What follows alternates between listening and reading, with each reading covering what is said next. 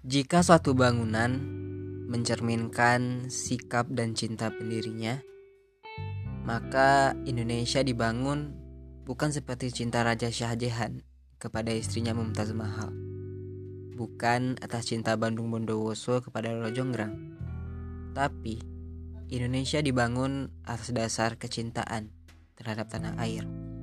bukan dengan sikap menguasai, tapi dipupuk dengan rasa persatuan.